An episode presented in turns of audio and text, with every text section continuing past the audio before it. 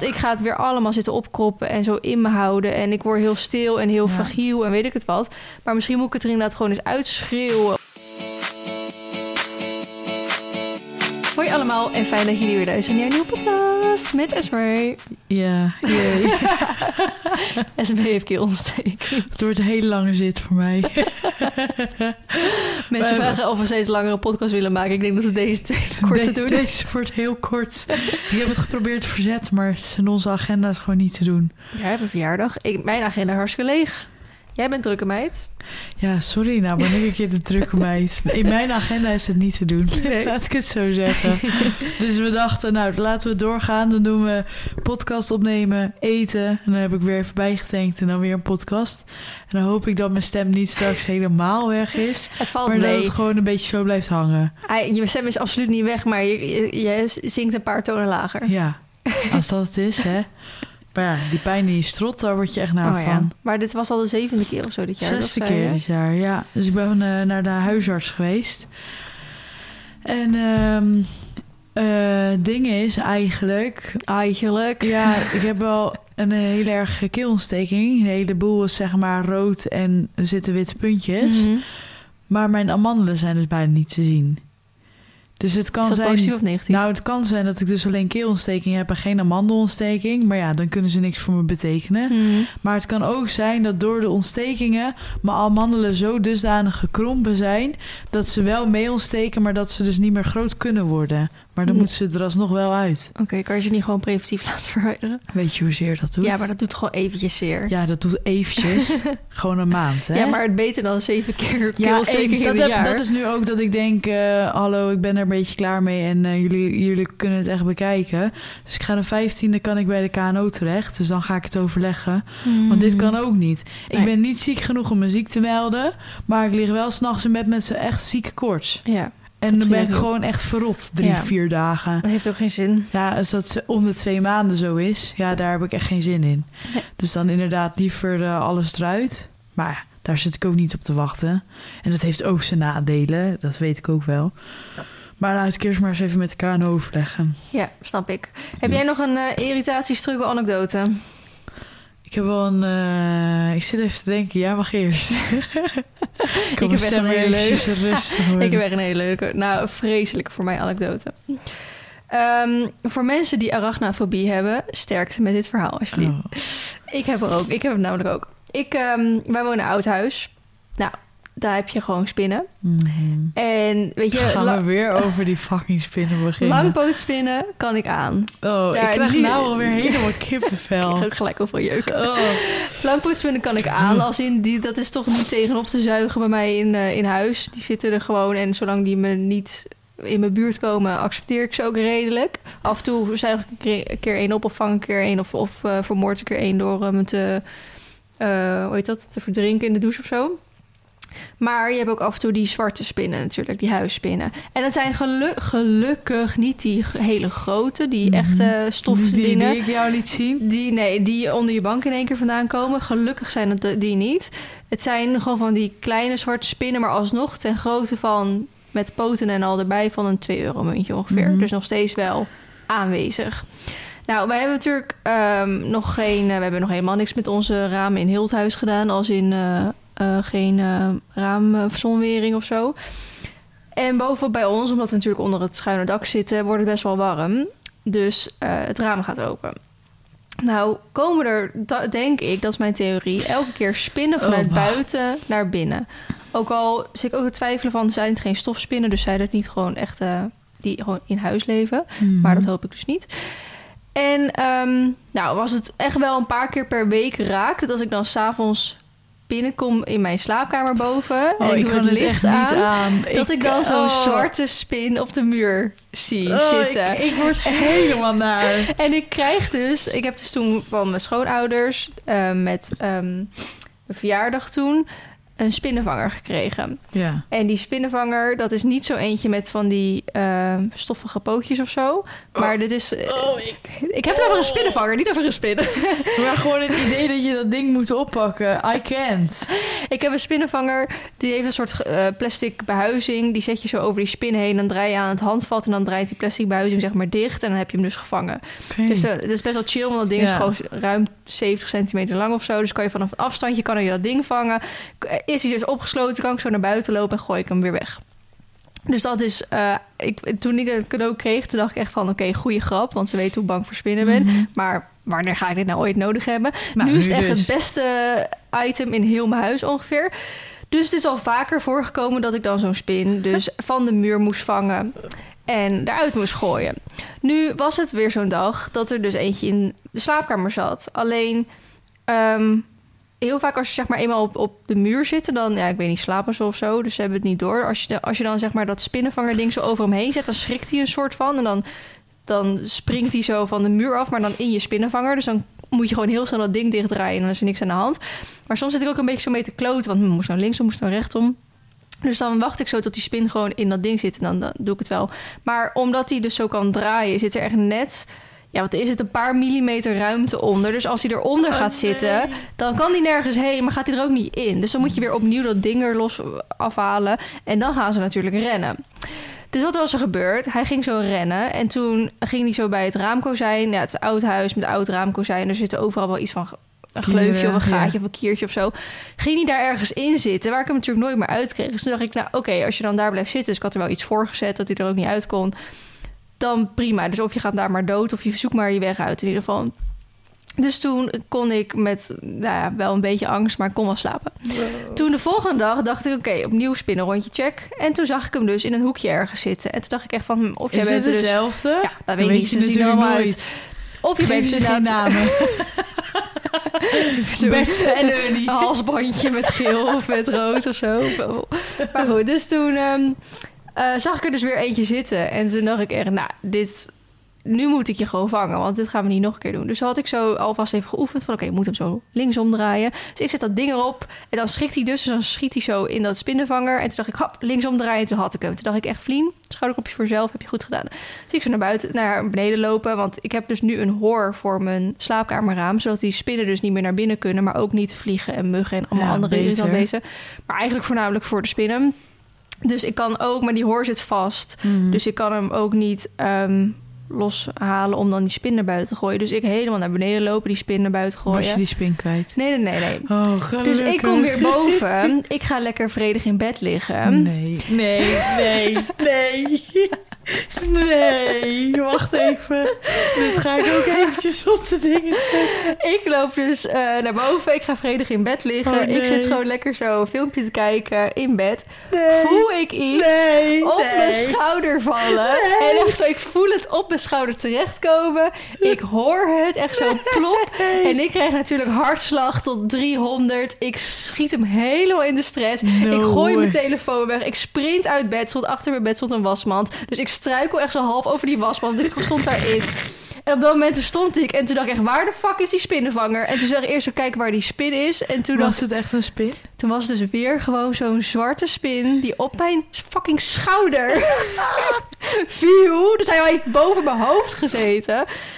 Oh, allemaal komen.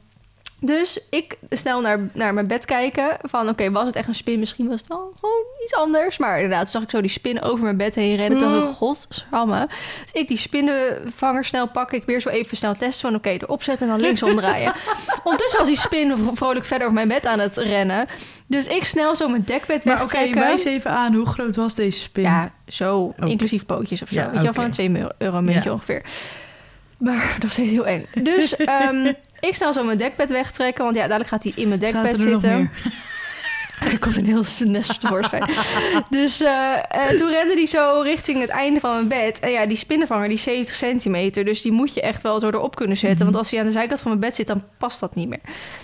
Dus toen ehm, had ik zo precies voordat hij aan het einde van het bed kwam... had ik zo die spinnenvanger erop. Gewoon in één keer zo bam, ook gewoon in één keer erop, weet je wel. Want dat, dat, dat spleetje is niet zo heel groot. Dat is nog kleiner dan je telefoon, zeg Mhm. maar. Dus dan moet je wel even zo in één keer goed mikken. Dus ik dacht, ik was weer helemaal trots op mezelf van Vlien. Onder, onder deze adrenaline kan jij dit gewoon doen en zo. Schou- weer schouderklopje voor jezelf. dus weer zo dat ding dichtdraaien. Ook weer die spin gevangen. Dus ik zou weer die spin naar buiten gooien. En toen dacht ik echt van, oké, nu is het toch wel klaar. En toen gelukkig sindsdien heb ik dus geen spin meer tegengekomen in de slaapkamer. Dus dat is nu een week geleden. Wow. Ja, Maar dat komt echt door dacht- die hoor, hoor. Ja, ik dacht echt wel van... God, hij heeft op mijn fucking schouder gezeten. Hij zat dus blijkbaar boven mij. En is hij dus zo naar beneden Oh. gevallen of gesprongen. Of hij viel me Oh. aan. Of hij dacht, hallo, je hebt, Oh. je hebt mijn zus, vriend, broer, ik weet ik het wat. helemaal naar hiervan. En ik ben zo bang, omdat er dus nu al meerdere in mijn slaapkamer hebben gezeten. En misschien is het elke keer wel dezelfde. Of dan op zijn minst twee of drie. slaapt, stil, hè? dit wil ik niet weten.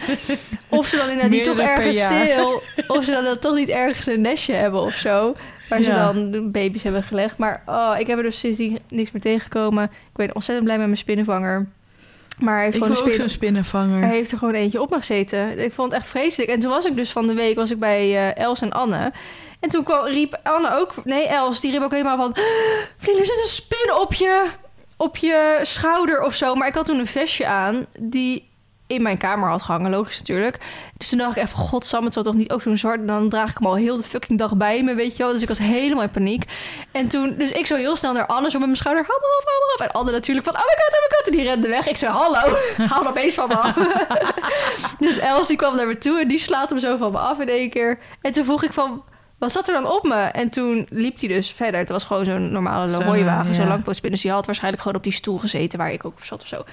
En toen dacht ik echt van, maar dit moeten we toch ook niet zeggen? We moeten ook niet zeggen, oh my god, het is een spin op je schouder. Nee. Zeg gewoon tegen me, eh, er zit een eh, springhaan op je schouder of zo, daar ben ik niet bang voor. Of, of een torretje. Of eh, zeg gewoon van, oh vriend, Ja, maar zit wat... zodra we het woord spinnen horen, hebben we al helemaal Z- z- error. Zeg gewoon, er zit een strootje in je haar of zo, Ja. weet ik veel. Doe gewoon even zo. Ja. Als ik nu een spin over je hoofd zie lopen, zeg ik, Es, kom eens hier, zit een strootje in je haar. Ja, dat Ook al zit niet. mijn hartslag daar ergens. Ja, maar als ik, dan, als ik zeg, Es, er zit nu een spin in je haar, dan flip jij. Ik Dan.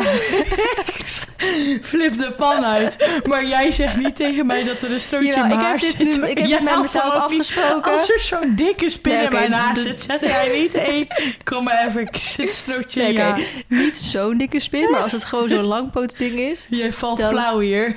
Maar moet ik zeggen, kleine spinnetjes kan echt... Eh, maar ja, ze moeten gewoon niet goed. op me zitten. Ze moeten niet op me zitten. Net zoals kruisspinnen vind ik ook niet heel erg, want die zitten bijna altijd gewoon lekker zo in hun, op hun, in hun Ja. web.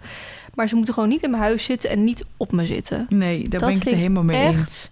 Echt het Dat is gewoon het ergste wat er is. Ja, dus dat was mijn spinnenavontuur. En ik vond het weer Oh. helemaal... uh, weer Ik heb ook echt al 16 keer weer kippenvel gehad van Ja. jouw verhaal. Gadverdamme. Ik vind het echt Het vreselijk. blijft ook gewoon vies. Ja.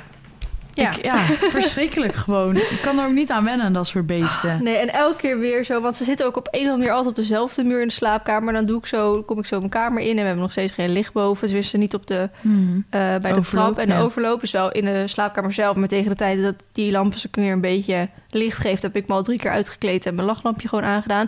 Dus ik loop altijd met mijn zakloop van mijn telefoon zeg maar naar boven toe. En het eerste wat ik dan altijd check is dus die muur of er niks zit. Van zit er weer zo'n zwarte 2 euro munt of eh, niet? Ja. En dan, je hoeft maar een klein st- zwart stipje te zien. En soms kan het ook gewoon een vlieg zijn of zo, weet je wel. En Ja. mijn hartslag gaat alweer, oh, het is Ja, vreselijk met die dingen. En vooral inderdaad in zo'n wat ouder huis. Ja, en dan zegt mijn schoonvader weer, oh, je moet gewoon zo arachnatherapie of zo gaan doen, weet je wel. En ik denk, Ja. nee, ik wil dit gewoon niet. Ik wil, ik wil Nou, ik gewoon weet niks met gaan spinnen ze te dat maken dan hebben. doen? Gaan ze dan spinnen op je hand leggen Ja. moet je daar dan rustig van? Nou, zoiets. Nou, mij niet bellen hoor. Nee. Daar ga ik ook niet in therapie. Nee, precies. Denk we zo. Kijk, ik vind het wel eng, maar zoveel last heb ik er nou ook weer niet van. Je hebt toch mensen die bijvoorbeeld met bijvoorbeeld het zien van een muis of zo gewoon zo erg flippen. Ja, Dan denk ik, ja, dat is nou ook weer niet. Ik vind het gewoon vies als ze, en eng als ze op me zitten. Maar als ik er een zie, ik kan hem gewoon nog prima zelf vangen. ja dat je heb ik ook wel. Of doden. Sorry. Ja.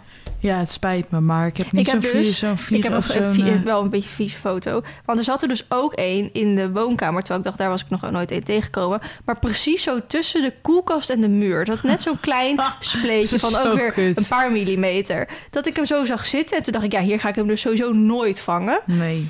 Dus toen dacht ik, hm, eens even kijken hoeveel die koelkast meebeweegt als ik er een zetje tegenaan nou, daar zat dus best wel wat speling in. En die spin zat dus blijkbaar ook precies op die plek... dat dan inderdaad die gewoon ge, ja, geflasht wordt. Maar dat was best wel ranzig dus gewoon. Want ik plette hem dus zo. En toen zag je dus allemaal van dat spinnenvocht zo... Ja, Flash, dat is echt vies. als, als een soort snottenbel of zo, weet je. Dat, dat kwam uit Dit die wordt zo vies. Ik heb er een foto moet even die... Oh, hier. Dan zie je dus één spinnenpootje met allemaal spinnen, ingewanden of snot of wat het dan ook Oh, is. Maar dit is wel een dikke.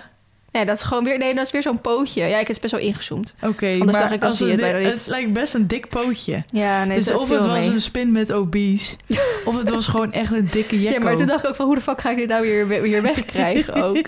Dus toen ben ik met een mes ben ik maar gewoon zo gaan peuteren. En dan natuurlijk zo een beetje op afstand voordat hij in één keer dan toch nog steeds Ja, leeft of zo. leeft, ja. Maar nee, hij was echt dood. Nou, mes gelijk ver- verbrand. en Heel gelijk het water was erin.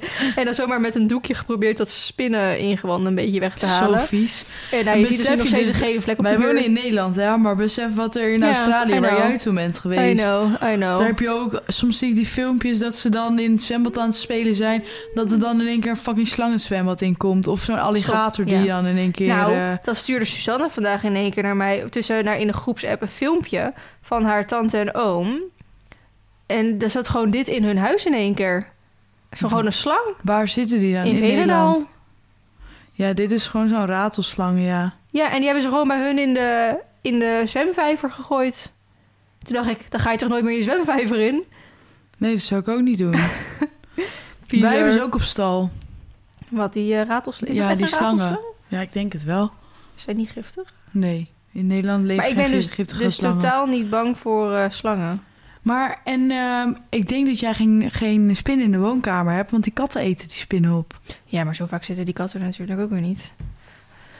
Maar wel minder. Ze zitten vooral eh, in de hal zitten ze en in de badkamer ook wel. Badkamer valt echt op, terwijl daar, daar komt echt geen vlieg en geen mug. Dus ik weet niet hoe ze dan aan het eten komen. Maar misschien omdat het een beetje broeierig, warmige ruimte is of zo. Dat ze dat fijn geen vinden. idee. Maar echt veel in de badkamer. Gadver. Het is Ja, gewoon echt ranzig. ja nou, dat was Oh. mijn anekdote. Ik ben er echt 16 minuten mee bezig geweest. Echt Ik hoop dat mensen niet zijn afgehaakt.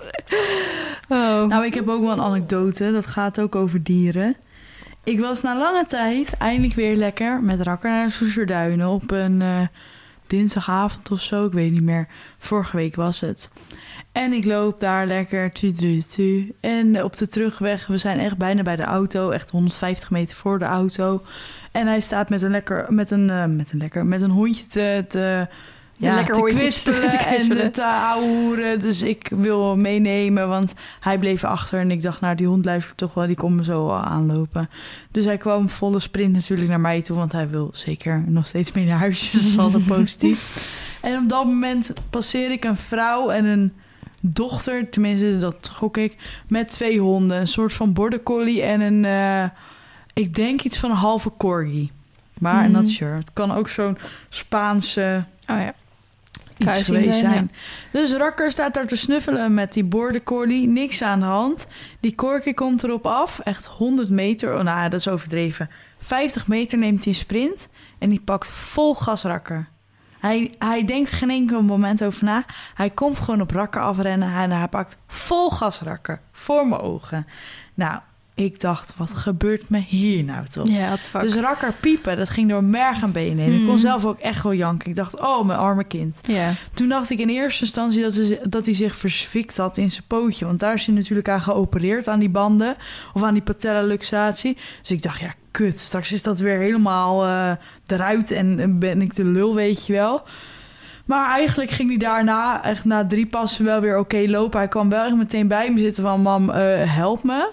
Maar ik aaide hem en het leek eigenlijk wel goed te zijn. Dus ik zei Mhm. tegen die mevrouw... nou, ik weet niet wat hij deed, maar hou het even in de gaten. En eigenlijk hebben we een praatje gemaakt... omdat ik dus dacht dat er niks met Rakker aan de hand was... had ik ook geen gegevens genoteerd. Maar ik zei wel, joh, als hij dit nou vaker doet... ehm, misschien moet hij een keer wat om of zo. Of Ja. misschien moet je met hem op Want dat hondencursus. zei ze niet. Dat er weer, doet of hij anders misschien nooit moet je hem zo. gewoon aangelijnd houden. Ja, Ja. what fuck. ik heb daar zo'n bloedhekel aan. Maar was het een gevalletje, doet hij anders nooit? Of, nou, eh, dat zei ze wel, ja. Maar Rakker, die doet het ook wel eens. Dan gaat hij vol gas op een hond afrennen. En Ja. dan een meter daarvoor stopt hij, gaat hij heel hard blaffen. ja. Maar dit was echt... Maar we konden dus niet goed zien wat er was gebeurd. Maar ik dacht, nou, misschien is dat dus ook het geval geweest. Dan had Rakker zich verzwikt en eh, viel het allemaal wel mee. Dus ik was bijna bij de auto. En op dat moment raak ik Rakker nog een keertje over zijn lijf aan. En kwam er gewoon plukken haar af. Ik dacht, potverdorie, dit is niet best. Hmm. Dus ik zeg, Rakker, kom eens hier. Dus ik wrijf zo over zijn flank heen. Nou, greep hij bij en bijna in mijn flikker, omdat hij daar zo'n last van had. Dus ik denk, nou, dit is helemaal niet goed. Dus ik til hem meteen op en ik ga kijken. Was het net niet door, maar op zijn flank gewoon twee grote bijtwonden. Ja. Dus ik dacht, ja, ho even. Dus ik roep die vrouw. Ik zeg, eh, mevrouw, mevrouw, weet je wel. Ik denk, Hm. ja, dag, dit gaat me niet gebeuren. Dus ik loop terug. Ik zeg, ik denk wel dat jij je hond moet gaan aanlijnen, hoor. Ik zeg, want dit kan echt niet. Nee. Ik zeg, hij, ik heb echt geluk gehad. Ik zeg, dan kan het wel een corky of, of iets zijn. Ik zeg, want het was zo'n hond van nou, 10 tot 15 kilo. Hmm. Maar stel dat ik nu een chihuahua had gehad... had jouw hond mijn hond hartstikke doodgebeten.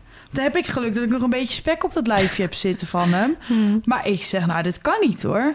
Nou, en die vrouw was helemaal... Ze deed in ieder geval alsof ze geschokt was... en alsof hij het nooit eerder had gedaan. Hmm. Maar ik zeg van, ja, ik, ik weet niet wat ik zou doen hoor. Ik zou hem echt gewoon aanlijnen, want dit kan niet. Dus rakker mee naar huis genomen. Meteen de hele boel eh, eh, helemaal geschoren. Want ik dacht, nou, ik moet hem wel even checken dat alles dus gewoon verder oké is. En dat Mhm. hij niet wel ergens nog een bijtwond heeft wat dieper is. En toen leek het wel mee te vallen, maar er kwam meteen zo'n hele blauwe plek omheen. Dus ik dacht, Ja. oh fuck, straks heeft hij inwendige bloeding of zo. Oh, met ja. zo'n klein hondje.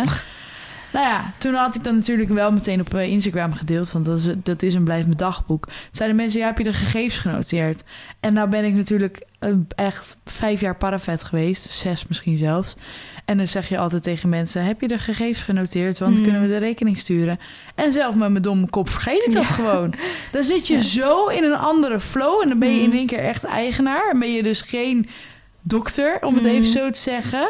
Nou, en dan gaat dat door merg en benen. En dan wil je alleen maar dat je kindje zo goed mogelijk terechtkomt. Ja. Maar dan ben je helemaal... Dan snap ik wel dat je dat vergeet. Ja. Dus ik kwam hier thuis en meteen de boel geschoren en helemaal schoongemaakt en zo. En het is dus dicht.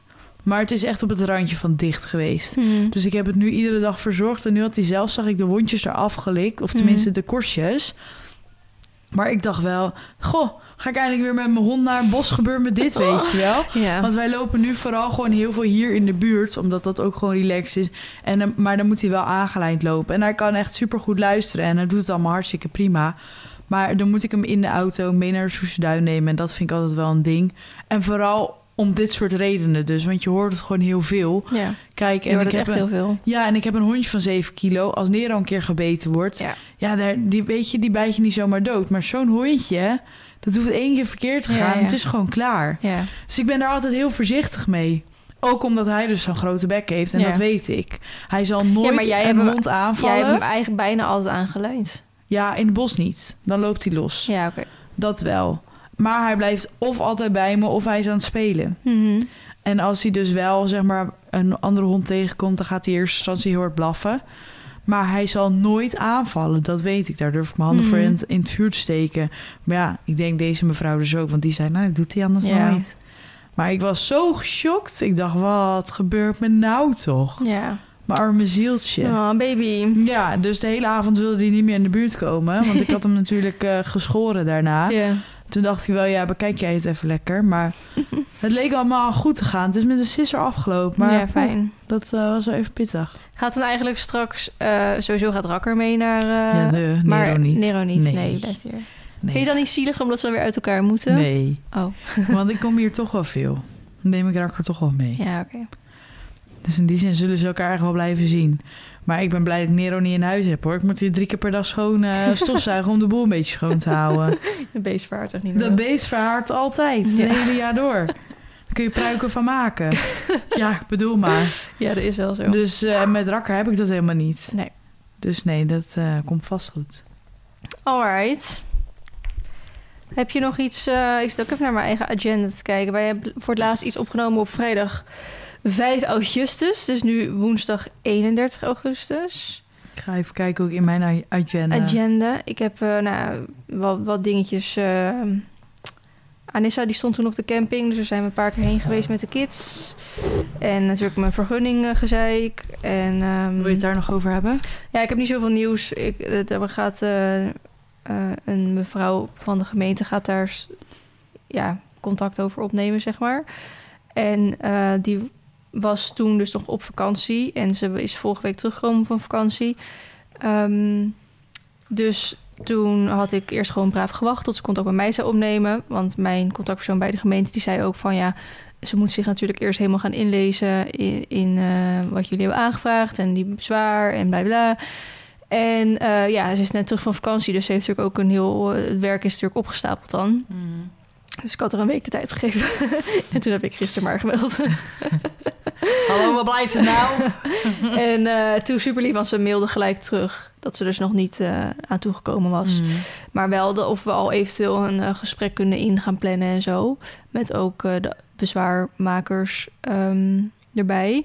Mm. En ja, goed, ik wil daar niet te diep op ingaan, want dat is natuurlijk een beetje privé en zo. Mm. Maar dat gaat niet gebeuren, zover in ieder geval nu de situatie is. Dus ik wil haar heel graag bij ons op het terrein in ieder geval uitnodigen. Ehm, zodat ik het gewoon kan laten zien, weet je wel. Het is Mhm. echt zoveel, wel net zoals toen de gemeente bij ons in mei langskwam. Toen zeiden ze ook toen ze er waren van... oh, het valt eigenlijk best wel heel erg mee met de Mhm. foto's die we gekregen hadden. Dus nu ook heb ik zoiets, ja, ik wil eigenlijk heel graag gewoon het laten zien... en dan Mhm. vertellen waarom dat bezwaar ongegrond is. Ehm, en dan in de hoop dat dat natuurlijk gewoon duidelijk is. Dus daar moet ik dan eh, natuurlijk op gaan wachten. Eh, we hebben een nieuwe auto gekocht. Mhm. En, ehm, oh ja, oh, kut, dat ligt in de... Oh, waar we het misschien nog even over moeten hebben... wat ook een beetje, ehm, een beetje vergunning eh, gerelateerd is... is natuurlijk zo had verteld dat ik zo last ervan had. Dat dat bezwaar binnen was gekomen, weet je Mhm. nog? Mhm. En toen heb ik dus toen die psychosomatische fysiotherapeut benaderd voor ehm, omdat het gewoon echt die drie dagen heel slecht met me ging. En ik dacht, ik wil nu iemand spreken. En toen hadden we het er toen nog over in die podcast. Dat ik toen had gebeld en ze zeiden van nou, het zit vol. eh, Je staat op de wachtlijst. En dat we het toen nog hadden over Noah's en Maartje, weet je wel. Ja, dat die het er ook wel eens jij- over gehad jij hebben. had wel gezegd volgens mij dat je een afspraak had kunnen maken.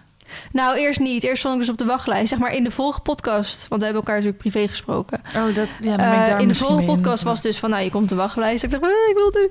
En eh, toen, best wel heel snel daarna, ehm belde ze mij inderdaad van, nou, eh, volgende week kan toch een plekje.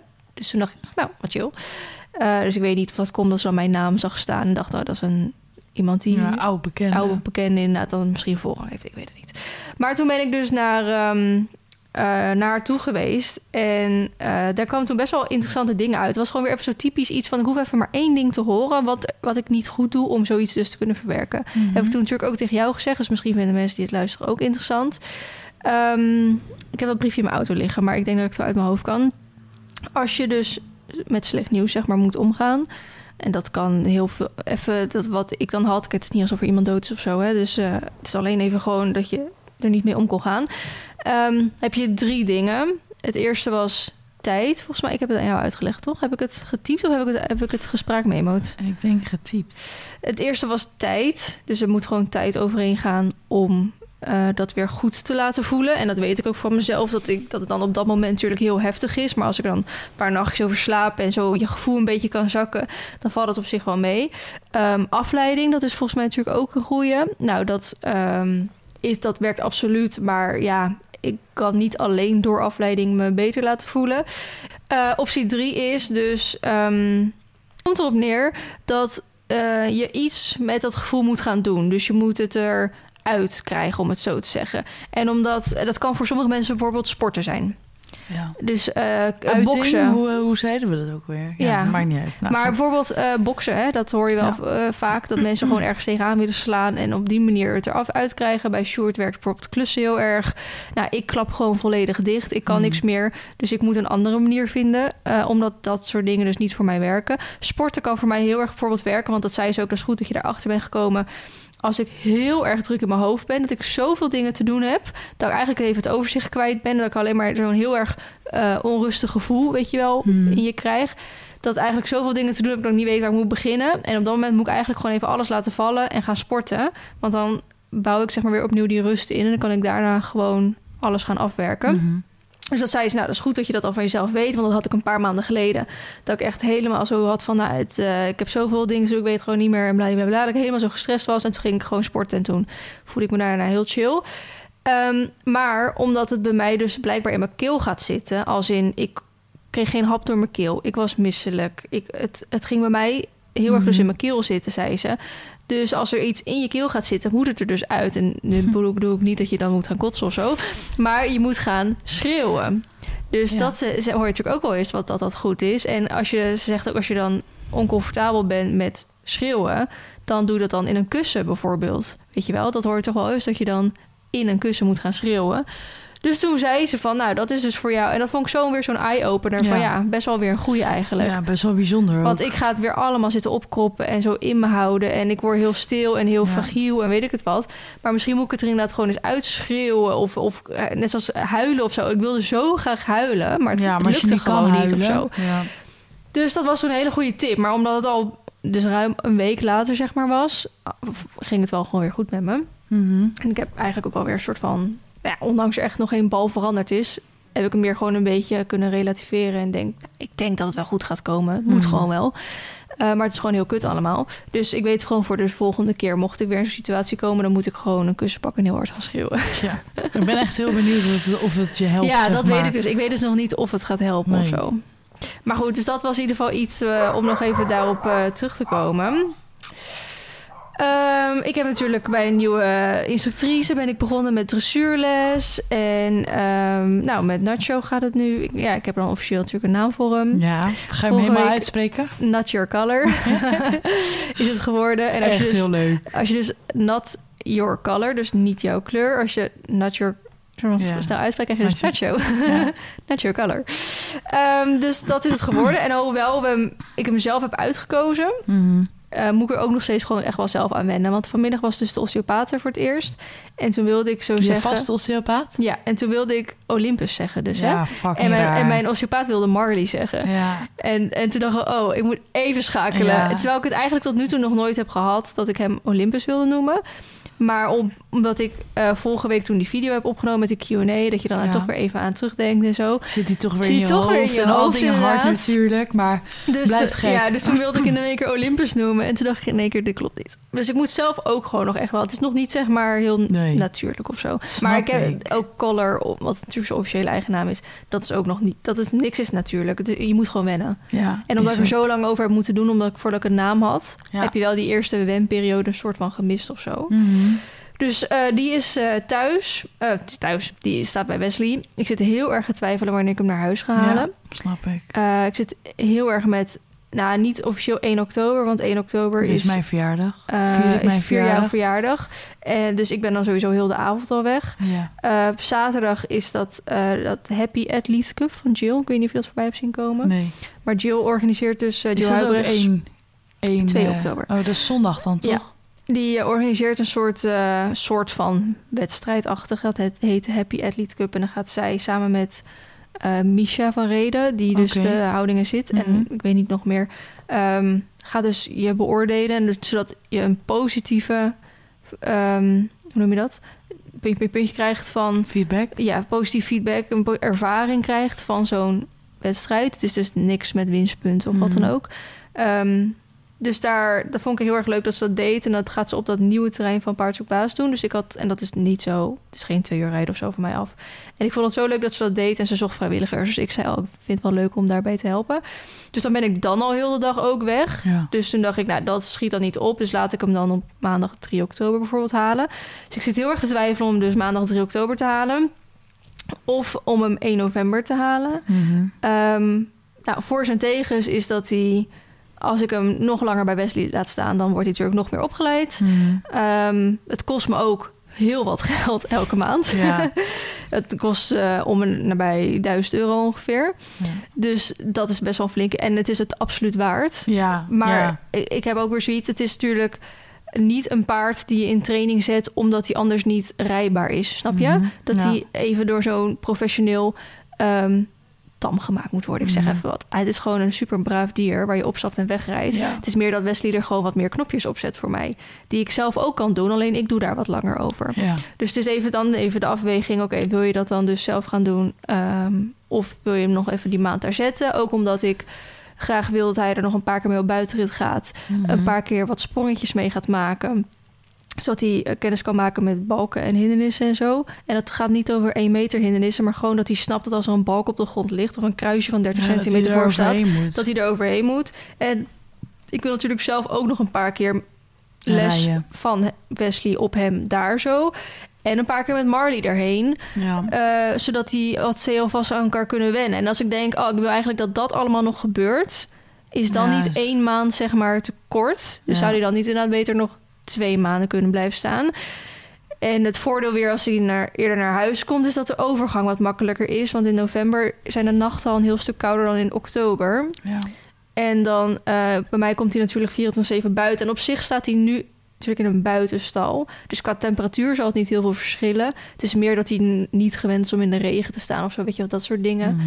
En ehm, kijk, waarschijnlijk zal hij toch wel een deken nodig hebben van de winter, want hij is nog heel dunnig. Dus alles wat we er nu aan vet aankrijgen, gaat hij anders in de winter straks weer even hard verliezen. Mhm. Dus een dekentje ontkom je waarschijnlijk niet aan. Dus dat zou dan weer een reden zijn om hem wel begin oktober naar huis te halen. Maar ik ben dus ook eind oktober weer een week weg. Waar ga je heen dan? Terschelling.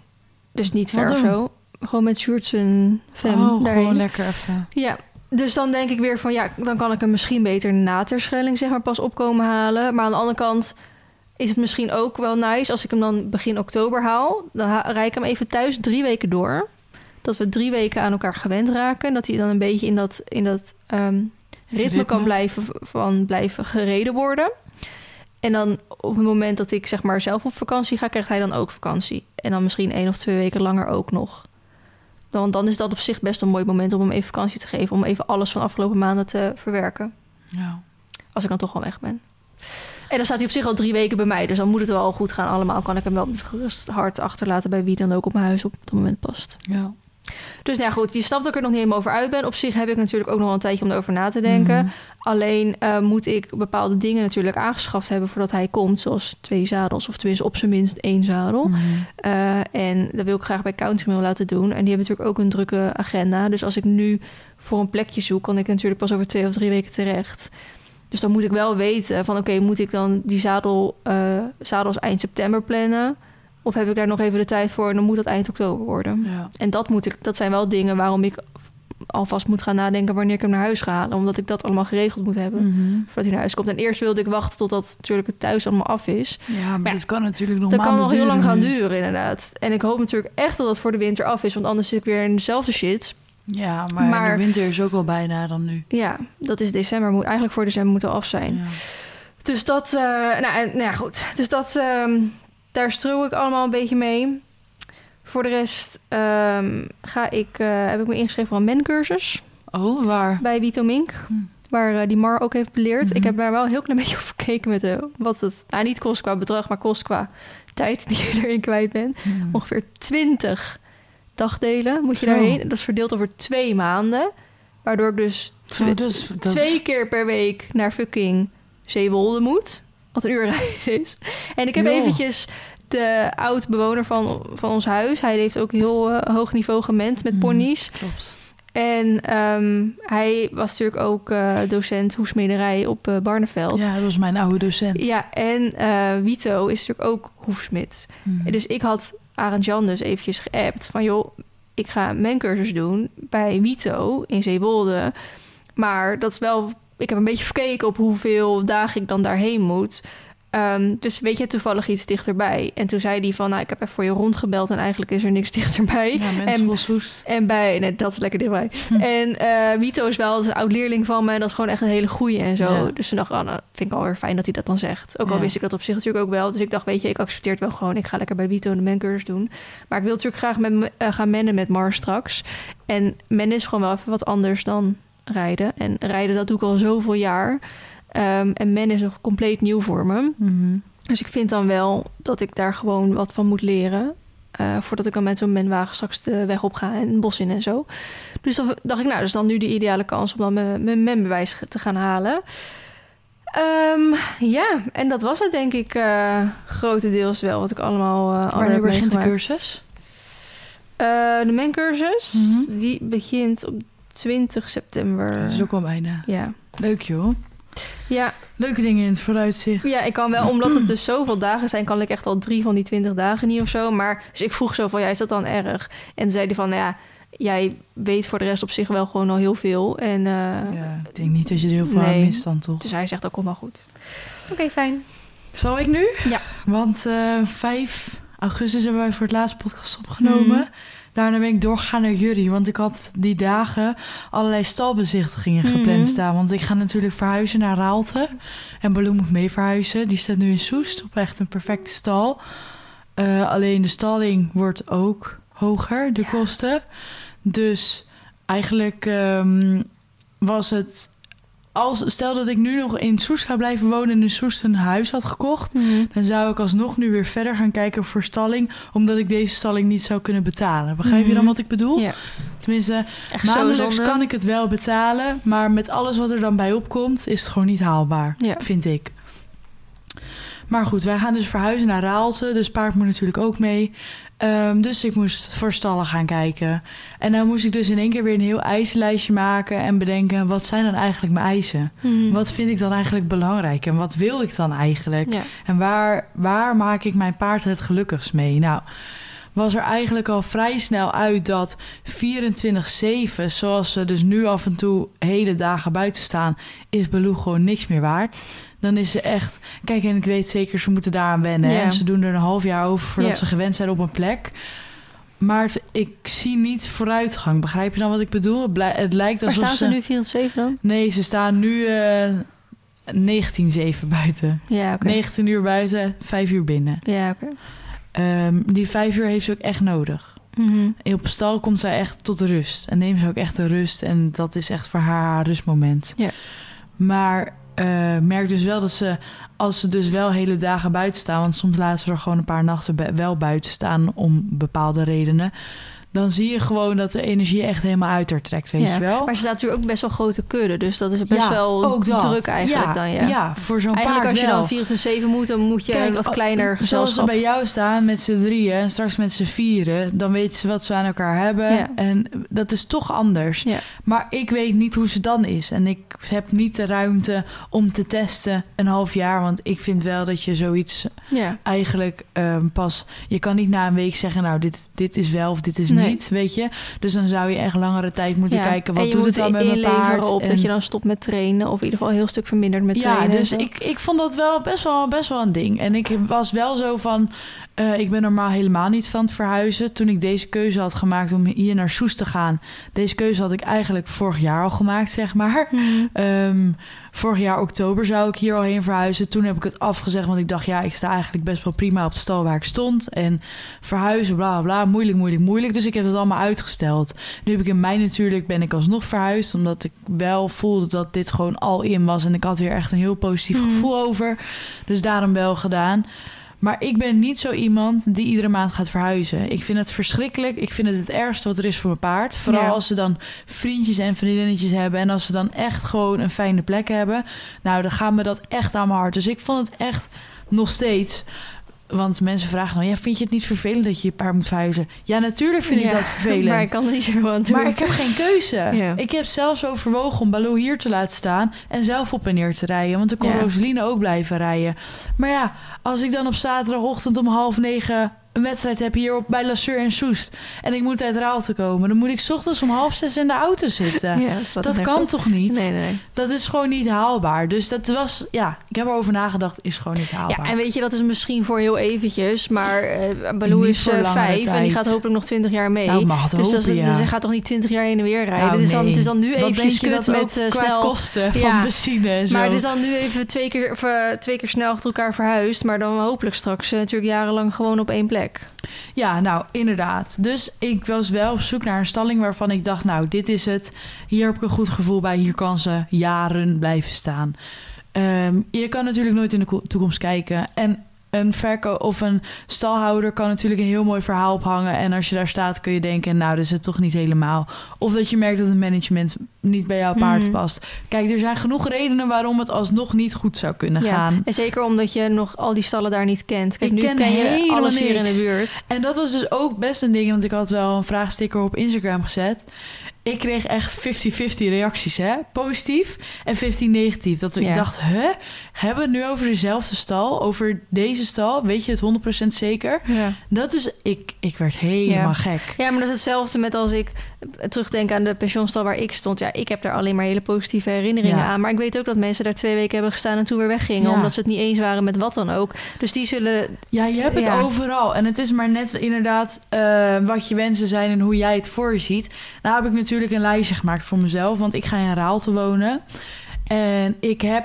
Dus nu sta ik bij Menschel Soest. Dat is Mhm. echt drie minuten van mijn huis af. Ja, je gaat heel veel op de fiets nu, hè? Nou, heel vaak. Ik ben wel eens op de fiets Ja. geweest. Ja. ja, maar dat kan nu. Hiervoor stond ik natuurlijk op Boshuis. Dat was een kwartier met de auto. Ja, en dat was 80 echt weg. 12 kilometer fietsen. Ik heb dat nooit gefietst. Nee. Maar ook dit, dat kwartier met de auto is dus al een half uur reistijd per dag... wat je kwijt bent aan je paard. Ja. Dus ik had voor mezelf de afspraak... ik wil max 10 minuten autotijd zitten. Mhm. En dat is dan eigenlijk een max van... hou het op 8 à 9 kilometer. Hmm. Kijk, als het 9 kilometer van huis is, ga ik waarschijnlijk alsnog niet fietsen. Maar ik wilde echt, ik wilde niet weer 20 minuten reistijd hebben heen als je eh, pech hebt met eh stoplicht en zo. Ik dacht, daar heb ik echt geen zin in. Mhm. Dus daar ben ik eerst op gaan sorteren. Toen dacht ik, oké, ik wil al in, want het bevalt me nu supergoed. En zoals het er nu uitziet, blijf ik mijn baan aanhouden in Utrecht. Dus ik moet twee dagen op en neer naar Utrecht. Als ik die dagen ook nog mijn paard binnen en buiten moet zetten en moet voeren en moet mesten, Ja. dan kan ik dat niet zelf. Ben ik afhankelijk van een ander. En ik wil absoluut niet afhankelijk van jullie zijn. Mhm. En ik heb nu nog geen bijrijder. Ik weet niet of ik een bijrijder ga nemen daar. Eh, dat wil ik allemaal eerst even... Mensen hadden zich trouwens al aangemeld, hè? Ja. Ja, fucking bizar. maar dat wil ik eerst gewoon allemaal eventjes rustig bekijken. En dan wil ik dus niet aan- ook al vanaf het begin eh, afhankelijk zijn van iemand anders. Dus ik wilde gewoon al in. En ik vind het... Ik ben echt niet te lui om klusjes te doen. Maar... ehm, nou, ik, het bevalt me wel echt heel erg goed dat ik nu voor mijn paard kom. Ik kan in anderhalf uur naar stal toe. Dan kan ik mijn paard gereden hebben. En dan heeft hij alle aandacht, van de eh, alle aandacht en tijd van de wereld gehad. Maar dat is gewoon als je fulltime baan hebt, dan is het zo Ja. relaxed dat je aankomt en je tijd voor je paard doen, hebt. Ja. Niet dat je denkt, oh, ik moet nog uitmesten en Ja. voer klaarzetten. Want daar ben je zo als het zeg maar... Soms ben je geen tien minuten door je stal heen en soms doe je er een uur over. ja. Dan ben je gewoon al een uur kwijt en alles. En dan, heb je, en dan ben je misschien al moe of dan heb je Ja. geen zin meer. Of, Nou, en dan dat, je ja. paard Dan eronder. moest ik daar de 40 paarden binnen zetten. Ik had er gewoon echt geen zin meer in. Mhm. Dus ehm, dat was ook dat ik dacht, nou, al in. Maar ja, en dan natuurlijk het puntje prijs. Ehm, ze zeggen altijd, ja, in het oosten is veel goedkoper. Dus ik dacht, nou, ja, dan wil ik ook wel goedkoper dan wat ik nu zit gaan Mhm. betalen. Maar ja, dan ga je natuurlijk een beetje googlen en kijken en eh, reviews lezen en horen van ehm, hoe het, eh, ja, wat, wat ervaringen zijn. En dan krijg je dus 50-50 reacties. En dan denk ik echt, oh my god, wat moet ik nu? Toen ben ik uiteindelijk, heb ik een eh, een vierstal een afspraak gemaakt. Ik zal ze even doorlopen. Ik ben zaterdagmiddag bij een stal geweest, een wat grotere pensionstal. Voornamelijk dressuurmatig. Ze hadden wel wat springmateriaal, maar dat stond ergens heel ver weg gestopt. En weet je, ja, ehm, voor mij als, eh, nou ja, ik, noem, ik wil mezelf geen springruiter noemen, maar Ambitieuze springruiter. ambitieus met balken was het wel fijn dat ik in ieder geval wat kon pakken. Maar ik had niet het gevoel dat dat echt... Ja. ehm, i- dat ik dat kon laten staan, bij wijze van in de Mhm. bak. Ze hadden wel een binnenbak ook en een buitenbak. Ehm, het zag er echt wel heel netjes uit. Het ding was alleen, als je wilde dat hun zouden afmesten, moest je 100 euro in de maand extra betalen. Geef ze geen ongelijk in, want hun zeiden gewoon: ja, de tijd die wij kwijt zijn aan al die stallenmesten, die hebben we eigenlijk ook niet. Ja. Dus als je dat wil, moet je 100 euro meer betalen. Ja. Maar op een totaal kwam ik dan wel echt weer op een flink bedrag uit. Dat ik dacht, ja, maar dit is me ook niet waard. Nee. Niet voor wat ik dan zie of zo, of krijg. Of ja, als, het dan, als Ja. ze dan zeggen dat Als het goedkoper is in het oosten... En Dan eh, vind ik het wat anders. Maar kwam op, bijna op hetzelfde bedrag uit als wat ik nu betaal. Dus ik dacht, Mhm. nee, dat ga ik dan niet doen. Dus dat was... En de reistijd. Het was echt eh 20 minuten. Maar omdat het er dus op de foto's heel mooi uitzag, dacht ik, nou oké, wil ik daar misschien toch wel iets in schrappen. Maar het was ook op die klootweg die hartstikke druk is van, van drie tot zes, weet je wel. Dat Ja. je daar standaard vast staat. Dat Ja. ik dacht, ja, ga ik nu alweer met mijn leven spelen? Dit wordt hem niet. Mhm. Nou, daarna zijn we doorgegaan naar een, ehm, ja, ik, kan niet, ik weet niet of het echt een pensioenstalletje is, maar bij mensen aan huis. Nou, die stonden echt als prinsen in Frankrijk erbij op een weiland waar je u tegen zegt. Het was wel netjes afgesteld, want die paarden werden iets te dik. Dus eh, kleine stukjes wei, zeg maar, kregen ze dan. En als het dan weer het gras op was, het was er echt groener dan groen nog. Dat kon je bij ons echt niet meer zo groen maken. Nee. Maar het zag er top uit en de plannen waren heel erg mooi. Ze hadden zelf een buitenbak en het zit vlakbij de vereniging. En dat vond ik eigenlijk heel erg relaxed. En uiteindelijk bleek dat Jury deze mensen ook kende. Want het is dus bij hem in het dorp. Dus ik dacht, nou, dat is eigenlijk wel heel positief. Maar ik wilde me nog niet ergens vol in vastzetten. Want ik dacht, ja, misschien is de rest ook wel heel goed. En ik wil Mhm. ik wil echt even zeker weten en de tijd genomen hebben om gewoon te kijken ehm, waar, waar ik me het beste bij voelde. En toen ben ik die dinsdag of maandag ben ik nog bij twee stallen geweest. Ook een pensioenstal. En daar hadden ze de buitenbak eh, net opnieuw aangelegd. En dan moest het bosje moest nog groeien. Dus je zat, de buitenbak lag aan de weg. Mhm. Maar dat bosje was nu tot zeg maar onder je knie. Mhm. En ik was echt als de dood dat als ik van mijn paard afdonderde, Oh, er zat echt paard- niks qua niks. sloot. Niks. Oh, Dat was echt aan de weg. Ja. En het was dan wel zo'n ventweg. Maar ja, we weten allemaal hoe hard boeren kunnen rijden. Ja, Dus ik 60 vond dat wel spannend. Toen dacht ik wel, ja. En wat ze daar ook hadden, is mega veel opfok. Mhm. Dus het was zo druk daar met paarden. Er stonden echt 100 opfokpaarden en dan nog volgens mij iets van 50 pensioenklanten. Toen dacht ik, oh, error. Als ik dan weer met iemand anders in de bak rij, Ja. kan ik weer niet filmen. Moet ik daar weer rekening mee Ja. houden? Toen dacht ik, oh, wil ik dit wel? Wil ik dan eigenlijk überhaupt wel weer op een pensioenstal staan? Mhm. Nou, dat heeft me natuurlijk heel erg aan het denken gezet. En daarna ging ik bij een eh, stal kijken die... Nou, nog, eh, die moest nog gebouwd worden, zeg maar. Dat is bij de vereniging zelf. En daar gaan ze dus stallen bouwen. Ehm, maar ja, je weet dus niet hoe het eruit komt te zien. En ik vond gewoon persoonlijk dat er veel te weinig ruimte was voor eh, het naar buiten gaan. Er waren wel plannen om misschien dan daar en daar en daar nog een weilandje te huren of wat dan ook. Maar ik dacht, ja, zolang dat er niet is, Ja. ga ik daar ook niet voor betalen en ga ik ook geen, geen go geven. Dus dat viel ook voor mij heel erg af. En toen nou, heb je het natuurlijk zo een beetje over. En ik dacht, ja, lekker bij mensen aan huis heb ik best wel weinig last van anderen. Die mensen waren echt super relaxed en die vinden alles prima en die vinden het alleen maar leuk als je ergens Mhm. over meedenkt. Nou, genoeg springmateriaal hadden ze zelfs al thuis. Die bak is gewoon 2040 met een eh, all-weather bodem, dus je kan daar altijd rijden met verlichting. En voor les rij ik gewoon eventjes naar de vereniging. ja, chill. Nou, dat is toch top? Op de vereniging is een, zijn twee rijbanen ter beschikking. In de ene staat eigenlijk, nou, vier dagen in de week een springparcours. In het weekend zijn er wedstrijden bewijs van. Eh, je kan er oefenspringen, weet je, je kan Alleen dressuren. twee, twee binnenbanen, toch? Of ja, twee geen binnen. buiten? Eh, nee. Nee, dat is bij mij in de vereniging precies hetzelfde. Ja, maar ja, dacht ik heb dan een buitenbak aan huis. Ja.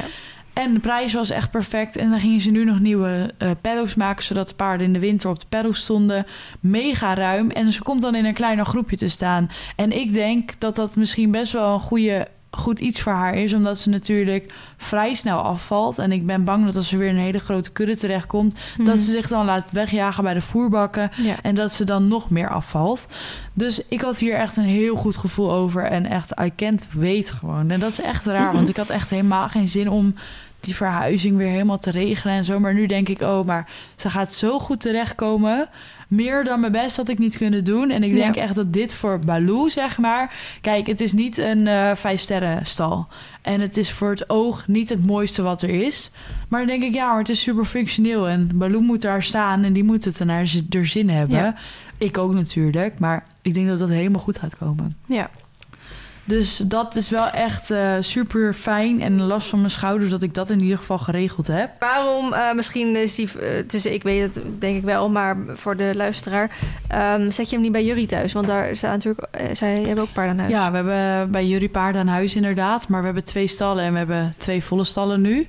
Ehm, daar staat het jonge paard van Esmee, die ze aan het opleiden is, en haar wedstrijdpaard.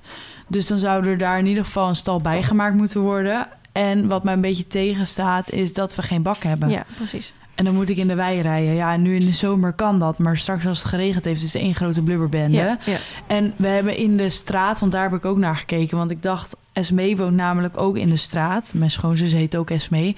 Die woont zeg maar 300 meter verder. En daar hebben we ook nog twee stallen aan huis. Maar voorheen stonden daar haar uh, Mary met veulen. Ehm, maar daar hebben we ook geen bak. En er is ook alleen maar wij. Dus toen dacht ik, ja, dan moet ik elke keer met de trailer Ja. om ergens heen te gaan Ja, om nee, te rijden. Ik weet van mezelf, dat ga ik toch niet doen. Nee. En dat vind ik echt zonde. Dan denk ik, ja, laat, laat daar maar zitten. Ja. Dus dat is eigenlijk de reden geweest. En kijk, voor eh, nood of iets kan het zeker. En ehm, stel dat ik eh, toch bedenk om een tweede paard aan te schaffen... en die moet op de wei, dan is dat ook een hele mooie optie daar. Dus dat kan allemaal. Maar echt, als je echt aan het rijden bent... en consequent gewoon wilt trainen... is het voor mij niet de handigste oplo- oplossing. Nee, dat snap ik. Dus dat eigenlijk. Ja, ik ben dus ook nog op concours geweest, springconcours. En ik heb daar dus mijn eerste rondje BB90 gesprongen. Mega eng. ik vond het echt zo spannend. Maar het ging echt heel erg goed. Ik had eh, twee balkjes. Door gewoon kutafstanden van mij. Omdat ik gewoon weer als een krant ging rijden. Want ik dacht in één keer, oeh, wat hoog, oeh, wat hoog, oeh, wat hoog. Maar het echt, ik heb echt het allerbraafste paard van de hele wereld. En ik ben echt super trots op haar dat ze het zo aanpakte. En ik wil eigenlijk binnenkort wel weer op concours. En dan wil ik gewoon nog een keer twee keer 70, 90 starten. En als dat nou ook gewoon goed gaat. En het hoeft echt niet vlekkeloos in de zin van... ik wil eerst zes keer foutloos zijn of zo. Mhm. Nee, want ik vind dat je daar niet altijd op hoeft te rekenen. Ik vind gewoon een fijn gevoel veel belangrijker dan foutloos zijn. Maar ik zou dan denk ik ook wel een keer B willen gaan springen. Oeh. Dus eh, ik wil even afwachten dat we echt deze stijg- stijgende lijn aanhouden. En dat het dus echt zo goed blijft gaan als dat het nu gaat. En ik wil gewoon positieve ervaringen blijven houden. Dus als ik het idee heb van oké, dit gaat met te veel eh, onbalans en eh, zonder vertrouwen, ja, dan ga ik geen, geen eh, rondje B starten. Want ik vind het veel belangrijker dat het allemaal zo positief en goed blijft gaan. En dat we er beide een leuke ervaring aan hebben. Dan dat we nu, dan dat ik nu zeg maar vol gas eh, haar door een parcours heen stouw. Waar, waar zij eigenlijk en waar ik dan ook helemaal Ja. nog niet klaar voor ben. Ja, want jullie doen wel eens ehm steltjes van de meter 20. Maar je moet straks ook oksers van een meter breed doen. Ja, dat is best wel een stap. En, ja, en jij doet hem graag vanuit draf natuurlijk. En Ja. dan moet je... de- dat zijn dan dingen die eerst even getraind moeten worden. Ja, maar in een parcours, ik weet niet wat het is, dan zit ik in een flow. Ja, Dan kan ik dat in één keer. Maar als ik thuis aan het trainen ben en het wordt 1,20, dan denk ik, ja, zet even die drafbalk ervoor. ja. Maar je hebt ook niet zoveel springles meer op het moment, toch? Nee, omdat ik zoveel ben weg geweest eigenlijk, dat het er ook een beetje bij ingeschoten is. Ja. En, Eigenlijk zou je ehm, dat even een paar keer moeten oefenen en dan kan het wel. Want als je dan eerst zo'n rondje Ja. 70, 90 doet. Ik, dat deed ik ook altijd bij Lasseur. Dan deed ik eerst rondje 97 en dan deed ik daarna een rondje B. En dan sprong die alles gewoon rond hoor. Ja, Ja, wel altijd met een balk van weigering, maar dat is mijn bonnie. Maar jouw paard die springt dat wel. ja, dat denk ik ook wel. Ik moet inderdaad gewoon weer even lessen. Maar we hebben eerst nu, gisteren was dat weer dressuurles gehad. Want dat, ja, die afwisseling wil ik ook gewoon houden. En ik, wil, ik ben niet het type die drie keer in de week les heeft. En ook niet eh, iedere week. Ik vind het veel te lekker om gewoon zelf te trainen en zelf een beetje de knopjes te vinden. En Roseline heeft me de laatste paar keren heel goed met het springen geholpen. Want mijn springinstructeur die wil alleen bij ons komen als er een groepje is. Wat ik wel begrijp, maar er springt bijna niemand. Want alle paarden hebben of een blessure of die eh, zijn niet springmatig, zeg maar. Dat ze denken, nou, daar wil ik wel aan meedoen. Mhm. Dus dan is het heel lastig om een groepje bij elkaar te krijgen. Dan ben je dus afhankelijk van iemand anders. En dat maakt het wel lastiger. Dus in die zin dacht ik ook wel eens van... nou, anders moet ik maar misschien een keer bij Lasseur gaan springen of zo. Ik ben natuurlijk een paar keer nu bij eh, Marinka geweest in... ehm, Mhm. Ik wil zeggen in Putten, maar zij zit niet in Putten. Maar Ja, een beetje bij Nijkerk. Ja, ehm, en dat is ook wel heel positief elke keer. En ik merk wel gewoon dat door het te doen, dus door echt op concours te gaan, leer ik wel meer dan in een springtraining. Ja. Voor mijn idee.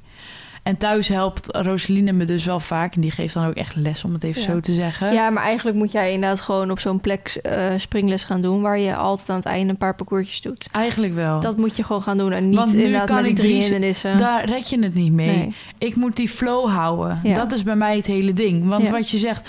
eh, ik heb laatst ook gewoon een, een, eh, een steltje van 1,30 gesprongen. Ja, nou, dat gaat easy peasy. Met twee Ja. vingers in mijn neus. Ja. En dan kom ik op zo'n concours en dan denk ik... Holy shit. Ja, zelfs ik had het met, en, en nu is een B heel iets anders, maar ik had natuurlijk van de week had ik eh oefencross. Mhm. Waar ik dan ook in de binnenbak een parcours moest doen. En ik had 60 centimeter opgeschreven. Dus dat kon hij nog uit stilstand. En ehm, als ik gewoon een hindernis gewoon los, zeg maar, zo moet springen... dan is er weinig aan de hand. En in één keer moest ik natuurlijk weer een parcours doen. En nu hebben wij natuurlijk echt iets veel meer dan, ervaring hè? dan jij en Baloo. Maar ook ik had gewoon echt bij de helft van de hindernis een soort error of zo. Ja. Dat ik in één keer dacht, oh, ik ging hem heel erg terugrijden. Of ik ging hem veel te groot en zo. rijden met zo'n echt parcours. nergens op. En dat is alleen maar kilometers maken. Ja, dat, dus dat is meer dat ik dan denk... ja, dan ga ik liever één keer in de maand minimaal op concours... dan dat ik mijn geld stop in het, in het lessen. Omdat Ja. ik merk dat maar eigenlijk met moet je inderdaad een, een les waar je dat dan... Ja, Maar zou je dat dan nu nog kunnen doen? Of wacht je daar dan mee tot je verhuisd bent? Dat je dat op de vereniging kan gaan doen? ja, weet ik dus nog niet. Ik kan het natuurlijk hier wel eens wel meepakken... maar ik vind het bijvoorbeeld ook heel relaxed om bij Marinka te lessen. En ik vind het ook heel relaxed om... eh, om thuis wel Ja. iets te oefenen en gewoon bij Lasseur te starten. Maar ik ben ook... Ik heb net nergens anders een parcours gereden. Hè? Dus ik wil eigenlijk ook binnenkort bijvoorbeeld een keer naar Nijkerk. Om daar, Ja. want daar heb je ook altijd hele fijne Mhm. concoursen bij Kraai bijvoorbeeld. Ja. Om daar... Ik kom eigenlijk bijna nergens, om het maar zo te zeggen. Ja. Maar ja, omdat ik ook wil dressuren... Ja, je, je kan, het kan niet allemaal tegelijk. En ik heb een bijrijder die twee dagen in de week gaat. Ja. Ja, dan soms blijft er gewoon minder van Ja, mezelf en dan wil je over. nog een keer een buitenrit en dan wil je nog een keer naar het strand en dan wil je een keer een Dus in die zin, eh, het, het, het, ja, de focus ligt er wel op. Maar het is ook niet zo dat ik denk... nou, het moet binnen nu en een maand... moet ik dat parcours rondgesprongen hebben. Nee, ja. Dat Mhm. volgend jaar wordt, het volgend jaar zo be it. Ik wil Ja. gewoon lekker lol met je knol hebben. En ik vind het wel prima eigenlijk. Ja, ik vind het wel grappig, want ik merk dat dus nu heel erg, nu ik weer twee paarden heb, is dat ik bijvoorbeeld in het vloggen merk het heel erg. Ik ben in één keer weer gewoon drie keer in de week aan het uploaden, omdat ik Ja. zoveel te filmen heb.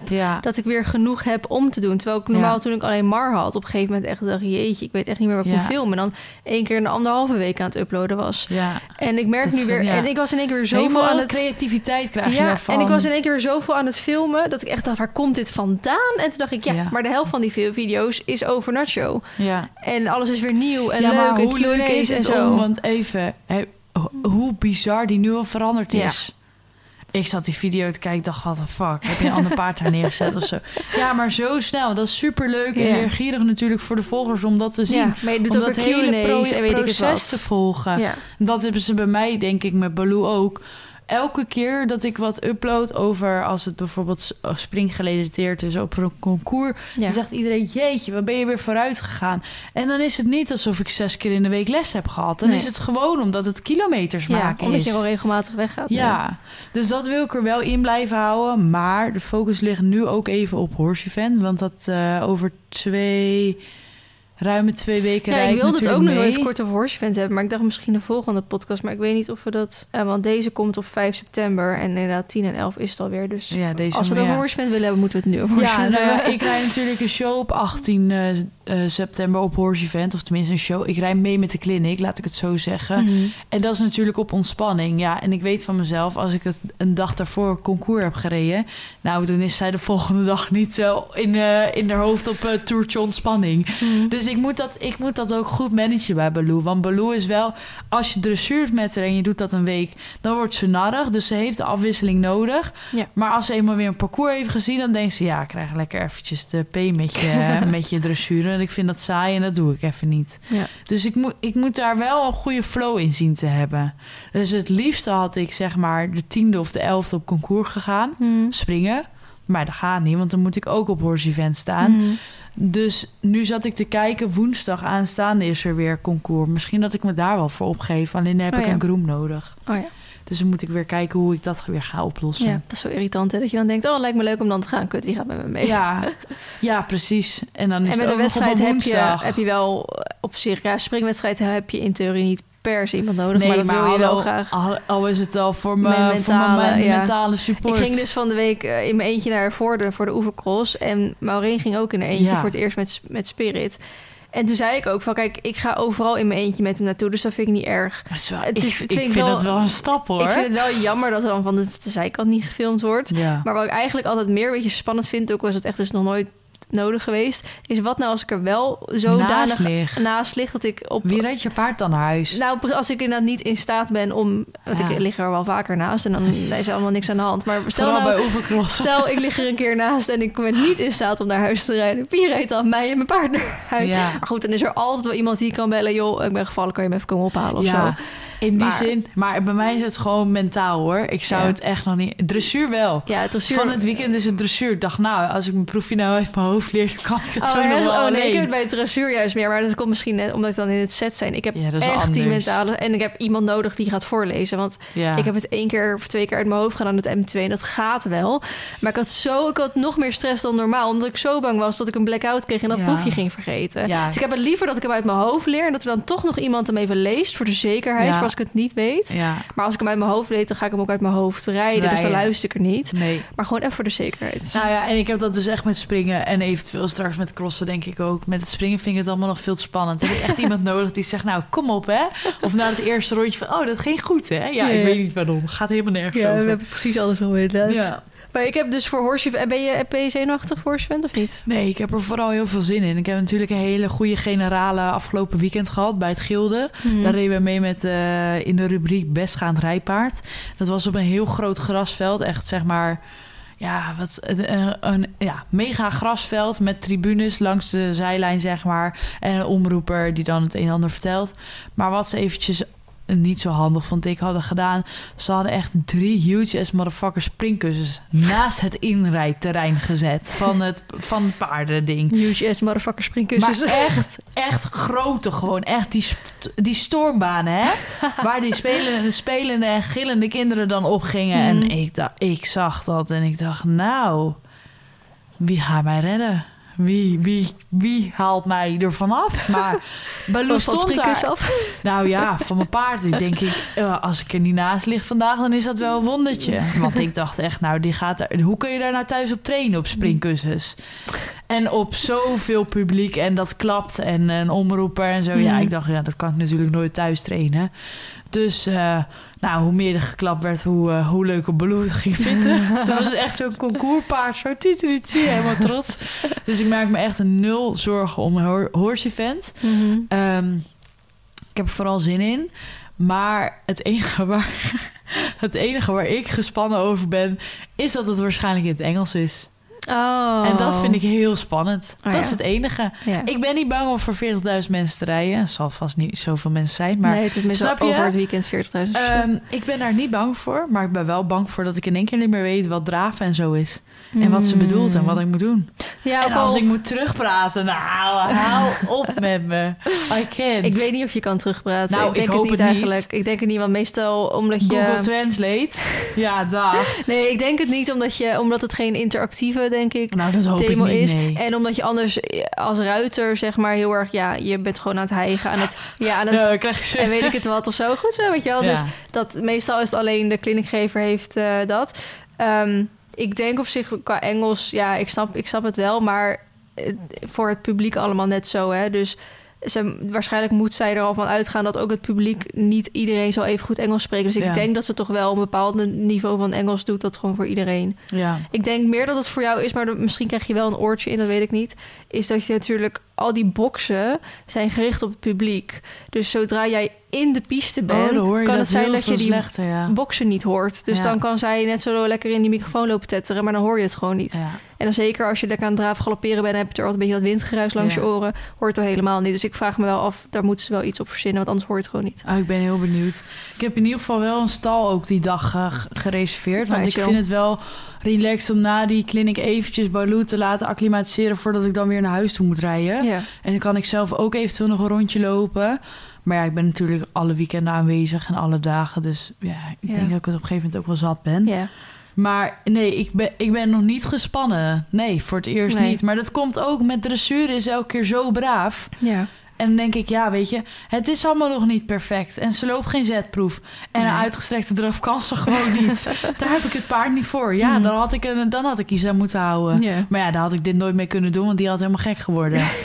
ja, weet je, die, Ja, wordt, ik die ook ouder ja. en rustiger. Maar dat zijn we- overwegingen die je moet maken. Ja, maar ik verwacht inderdaad niet dat Baloo... eh, het is misschien wel druk, maar het is niet per se heel heftig of zo. Ik vind het wel een fijne entourage op zich altijd. ja, Dus dat scheelt. ja, maar het is wel weer heel anders dan op wedstrijd. Ja, dat is meer dat je dan denkt, jij, je kan dit thuis niet trainen. Nee, nee, zal ik maar goed. Je hebt wel... En je hebt dus heel veel mensen die dan komen kijken. Dat vind ik ook wel. Dat ik denk, ja, iedereen heeft een mening. Ja. Dat, dat vind ik wel. En dan rij ik al met zo'n kliniek mee over ontspanning. dan denk ik, ja, als er ergens veel meningen over zijn, dan is het dat wel. Ja, maar dat is dan toch juist een soort van het, het fijne. Want dat had ik laatst met mijn dressuurles die ik op YouTube zette ook weer. Daar ging ook niet alles goed. Maar het is juist het mooie om te laten zien hoe je paard binnenkomt Begint en, eindigt. Ja, dat En vond ik ook. Dan ja. is het vaak... Kijk, iedereen maakt nog steeds fouten. En het Ja. is ook spannend in zo'n, in zo'n entourage. Dus als je dat niet begrijpt, dan, dan wat doe je dan op zo'n evenement? ja. Maar als je maar eigenlijk een beetje verschil ziet aan het einde... dat Ja. zou gewoon fijn zijn. En dan is, dan is het al geslaagd. Ja, daarom. Nou, het is al geslaagd als ik gewoon een rondje kan rijden. het is geslaagd als ze mee de trailer opgaat. Nee. Nee, ik ben ook zelf ook veel minder zenuwachtig... omdat ik natuurlijk helemaal geen show met paard Nee, heb. Maar dat is ik gek, heel hè? erg fijn vind, anders had ik het namelijk wel.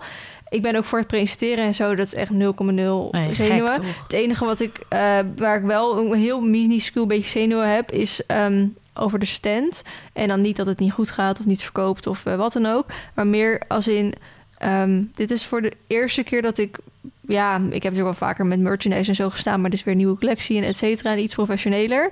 En we krijgen nu zo'n grote pagodetent van 5 bij 5 meter. Zie dat maar eens te vullen, zeg maar. Ja. En zie dat ook mooi te vullen, weet je wel? Dat, het niet zo'n bij elkaar geraapt zooitje Nee. van allemaal spullen uit je schuur eh, wordt. Mm. Want het is wel horse event en al die stands zijn allemaal super mooi allemaal Ja. ingedeeld. Dus ik wil wel dat het bij ons ook mooi eruit ziet. En dat vind ik lastig, want je kan het niet even... Je kan het niet even bouwen, weet je wel. Je kan het niet even zo allemaal neerzetten om te kijken... Hm, wat sta- hoe staat het en wat hebben we nodig om het beter te doen. Want je krijgt zo'n kale pagodetent. En op eh, Go Social Party hadden we ook een kale pagodetent. Dat was voor het Heb eerst... je en- banners? ja, en Ah, toen dat was het ook ehm, al, hè? Ja, jawel. En toen was het of ook 5 bij 5 of 4 bij 4. Maar we zaten toen helemaal in zo'n uithoek. We zaten echt in zo'n hoekje waar ook geen lampen waren. Dus het was echt één donker gat bij ons. Dus toen heb ik wel even zo tegen de organisatie gezegd: je gaat een, een lamp regelen, want je ziet helemaal geen kut hier nu Mhm. binnen. Eh, dus dat hielp dan wel. Maar het was echt gewoon wel niet. Ik vond gewoon niet dat onze stand echt heel mooi was. We hadden ons best gedaan met de middelen die we hadden. Maar ik had zoiets, zo kunnen we echt niet op Horse Event gaan staan. Nee. Dus daar heb ik dan een beetje stress over. Van kut, hoe gaan we de stand helemaal indelen zodat het mooi wordt? En dat ook natuurlijk mensen. Ja, ik vind dat wel gewoon belangrijk. Een mooie stand. Kijk, je kan wel mooie het ook. producten Wij hebben. hebben ook echt heel lang zitten twijfelen hoe we die, die stand gingen indelen Ja. voor Bompar. Maar je, mag, je kan dus ook allemaal dingen huren via dat bedrijf. En je ja, kan ook heb ik bij. niet naar gekeken, want het is fucking duur. Nou, precies dat. Alleen al, want ik dacht van misschien kan ik zo'n leuke grote nepplant huren of zo. Want dat geeft een beetje sfeer, een beetje groenigheid. Nou, het kost Ja. gewoon 50 euro om zo'n plant voor een dag te huren. Ja, dat gaat helemaal nergens over Nee, hoor. Dat is echt bizar. En ik had dan, moet ik eer- misschien, dit is waarschijnlijk mijn eigen fout, omdat dit voor mij de eerste keer is, dus ik weet het allemaal nog niet. Daar heb ik misschien nog niet goed genoeg voor ingelezen. Maar we hadden dus op een gegeven moment wel een beetje zo'n tekening van hoe we de stand wilden hebben. En toen wilde ik dus eigenlijk een extra tafel hebben. En toen dacht ik, ja, of ik kan een extra tafel kopen die ik voor de rest nooit meer nodig zal hebben. Ja, misschien pas volgend jaar weer met Horse. Mhm. Of ik huur hem dan daar zo, want zo'n tafel was dan 17 euro. En toen dacht ik, nou, doe ik twee van die tafels. Nou, 34 euro, dat vind ik prima, weet je wel. Maar dat is dan dus voor één dag. En ik wil ze eigenlijk, ik wilde donderdag al de stand opbouwen. Want als wij, dat kwam, voor ons kwam dat net even wat beter uit qua tijd. En als ik hem donderdag opbouw en ik loop dan nog tegen dingen aan, kan ik vrijdag nog naar de winkel om het te halen. Ja. En als ik vrijdag alles opbouw, dan lukt dat natuurlijk allemaal niet meer. Dus we willen heel graag donderdag opbouwen. Dus ik heb donderdag, vrijdag, zaterdag en zondag die spullen nodig. Moet je dan ook echt voor vier dagen betalen? Maar je hebt, je hebt meer prijs krijg je dan. Het is niet alsof het keer vier gaat, maar het, meer prijs. En ik dacht dus, omdat het een, een speciaal horse event eh, stand pagina was op die website waar je dat kon bestellen. Ik dacht gewoon, joh, dat bedrijf levert dat allemaal gewoon op horse event. Mhm. En of dat nou echt al bij jou in de stand wordt gezet, of dat dat gewoon ja, op ergens afhalen ergens of zo. anders, Net bij de prima. Ikea, zo'n Ja. dingetje halen. maar dat is dus niet zo. Het kan gewoon bij je thuis bezorgd worden of op Horse Event bezorgd worden. Maar daar betaal je dus gewoon 45 euro bezorgkosten voor. Dus uiteindelijk voor die twee tafeltjes van 17 euro per stuk... was ook alsnog een... eh, stond op de offerte dus bijna 100 euro. Oh, bizar. En toen dacht ik, ja, dit gaan we dus even niet doen. En zo zijn er allemaal dingen waarvan ik weet... Kijk, ja, weet je, je moet overal anders onder het gras, En hoor. ja, dat je en je denkt, moet, oh, je moet ehm, overal over nadenken. Als je elektriciteit wil in de Ja, stand, moet je ervoor betalen. betalen. Wil je wifi in de stand, ook Betalen. betalen. Wil je verlichting in de stand, betalen. Betalen. Wil je eh, eh, tapijt op de grond, betalen. Ja. En het zijn wel allemaal dingen waarvan ik denk, ja, zijn, heb ik die nodig? Ik weet het niet. Het is voor mij de eerste keer dat ik eigenlijk in zo'n soort grote stand kom te staan. hoor. Maar En ik ik- wil niet... Ik wil het heel graag in één keer goed doen. ja, maar, maar ik dat wil kan niet niet in allemaal één keer goed geld doen. uitgeven. Dat ik achteraf dacht, nou, dit was totaal niet nodig. Nee. Dus daarom hebben we eigenlijk gewoon dus besloten om niks te doen. En gewoon een stand in te delen zoals we hopen dat het goed gaat. Ja. En dan maar eens kijken, oké, als ik volgend jaar nog een keer op deze manier een stand heb, hoe gaan we het dan doen? Wie staan er in de stand? Anne en Noek. Oh, chill. Ja, die hebben ook op GoSocial gestaan, Goed dus dat komt wel goed. Ja. Ja, En weet je, we hebben nu ook, als het goed is, zijn de, de rijbroeken en de halsers op tijd binnen voor Horsevent. dat zou echt leuk zijn. Dus er zijn nog wel wat meer dingen, want ehm nekropes en riemen hebben we ook genoeg. Maar bijvoorbeeld de polo's, die heb, zijn dus bij mij bijna uitverkocht. Bij mij wat ik heb liggen. ja. En ik dacht dat mijn leverancier nog wat had liggen, maar dat is niet zo. Dus ik, en we gaan nooit meer op tijd, komt dat binnen. Dat heeft gewoon twee maanden productie nodig of zo. Dus maat M is al uitverkocht. Oh, maat S heb ik er nog maar een paar van liggen. En de maten daaromheen heb ik er iets meer van liggen. Maar ik ga dus met vrij weinig polo-voorraad naar Horseman toe. Terwijl polo's altijd het hardst Oh. Die gaan, altijd... Heb je niet nog oude voorraad? Nee, ik heb helemaal niks. Ook niet voor je voorgaande nee, natuurlijk niet. Dat is allemaal uitverkocht. Zo. Dus daar baal ik heel erg van. Maar goed, dan ben ik blij dat in ieder geval rijbroek en halsers er wel zijn. Ja, hoop je. Ja, nou ja, dat zou wel heel raar zijn en heel kut zijn als dat niet zo is. Maar dat, ja, is het wel kut. Oh, balen zeg. ja, dus daar heb ik dan een beetje stress voor. Ook omdat ik, eh, ja, weet je, die rijbroeken denk weer, dat moet gewoon gepast worden. Maar ja, dat is dus waarom ik eh PC stress, stress, Wow, stress wow, heb voor de Horsevent stand. Ja, snap ik. Eh, maar ik denk dat het wel goed komt. Ik heb er ook alweer zin in, weet je, want je gaat toch lekker... eh, Ja, en met vriendinnen. Nou, ik weet niet Ja, hoe ik dat heb- dagje eruit gaat nou, zien, hoor. ik heb eigenlijk echt meer zin in die dag. ja, maar 17 ik denk niet dat jij vrij hebt. Ja, ik, Ik ga denk- het, ik ga het gewoon op internet zeggen. Jongens, ik heb vrij die dag. Ja, het is gewoon klaar. Maar ga je dan... Ik ben gewoon benieuwd, hè. Ga je dan ook mensen, als mensen naar jou toe komen en zeggen... mag ik met je op de foto, zeg je dan ook... nee, ik ben vrij vandaag? Ja, ik denk het wel. Ja, maar het kutte is... Ik vind het echt nooit erg als mensen dat vragen. Nee, maar je Alleen- kan anders nooit meer zoiets doen. Nou ja, als, kijk, weet je wel, als één het is, is het ook niet zo erg, hè? Ja, maar het, zijn er, het is er nooit één. Want als één gezien heeft dat jij het wel dat, doet... dat is het probleem. dan en heb ik je ben, 100 aan je en ik ben met vriendinnen op dat moment. Dus als, als wij aan het lopen zijn van de ene plek naar de andere plek... en ik word tegengehouden van Vlien, wil je op de foto? Kijk, als het even zo'n foto klikt door is, is het niet zo heel erg. Maar als dan de volgende het ziet en de volgende ziet het... en je bent Ja. een soort rij aan het vormen. Kijk, op Horse Event mag je eigenlijk ook geen meet and greets doen, hè? Dat was voorgaande jaren was dat gewoon de regel. Alleen georganiseerde meet and greets... die een speciale ruimte of een speciale rij of een speciaal iets hadden... daar mocht het voor. Maar anders mag het niet, want je zorgt voor opstoppingen... waardoor Ja. mensen gewoon niet meer langs kunnen. En dat mag, dat is natuurlijk niet de bedoeling. Dus daarom eh, denk ik gewoon dat ik inderdaad gewoon zeg... jongens, ik ben vandaag gewoon vrij. Ik ben echt heel benieuwd. En je mag best wel even hooi zeggen, een praatje maken of dat soort dingen. Of misschien helemaal aan het einde of zo, weet je wel... als toch al iedereen naar huis gaat. ja. Maar ja...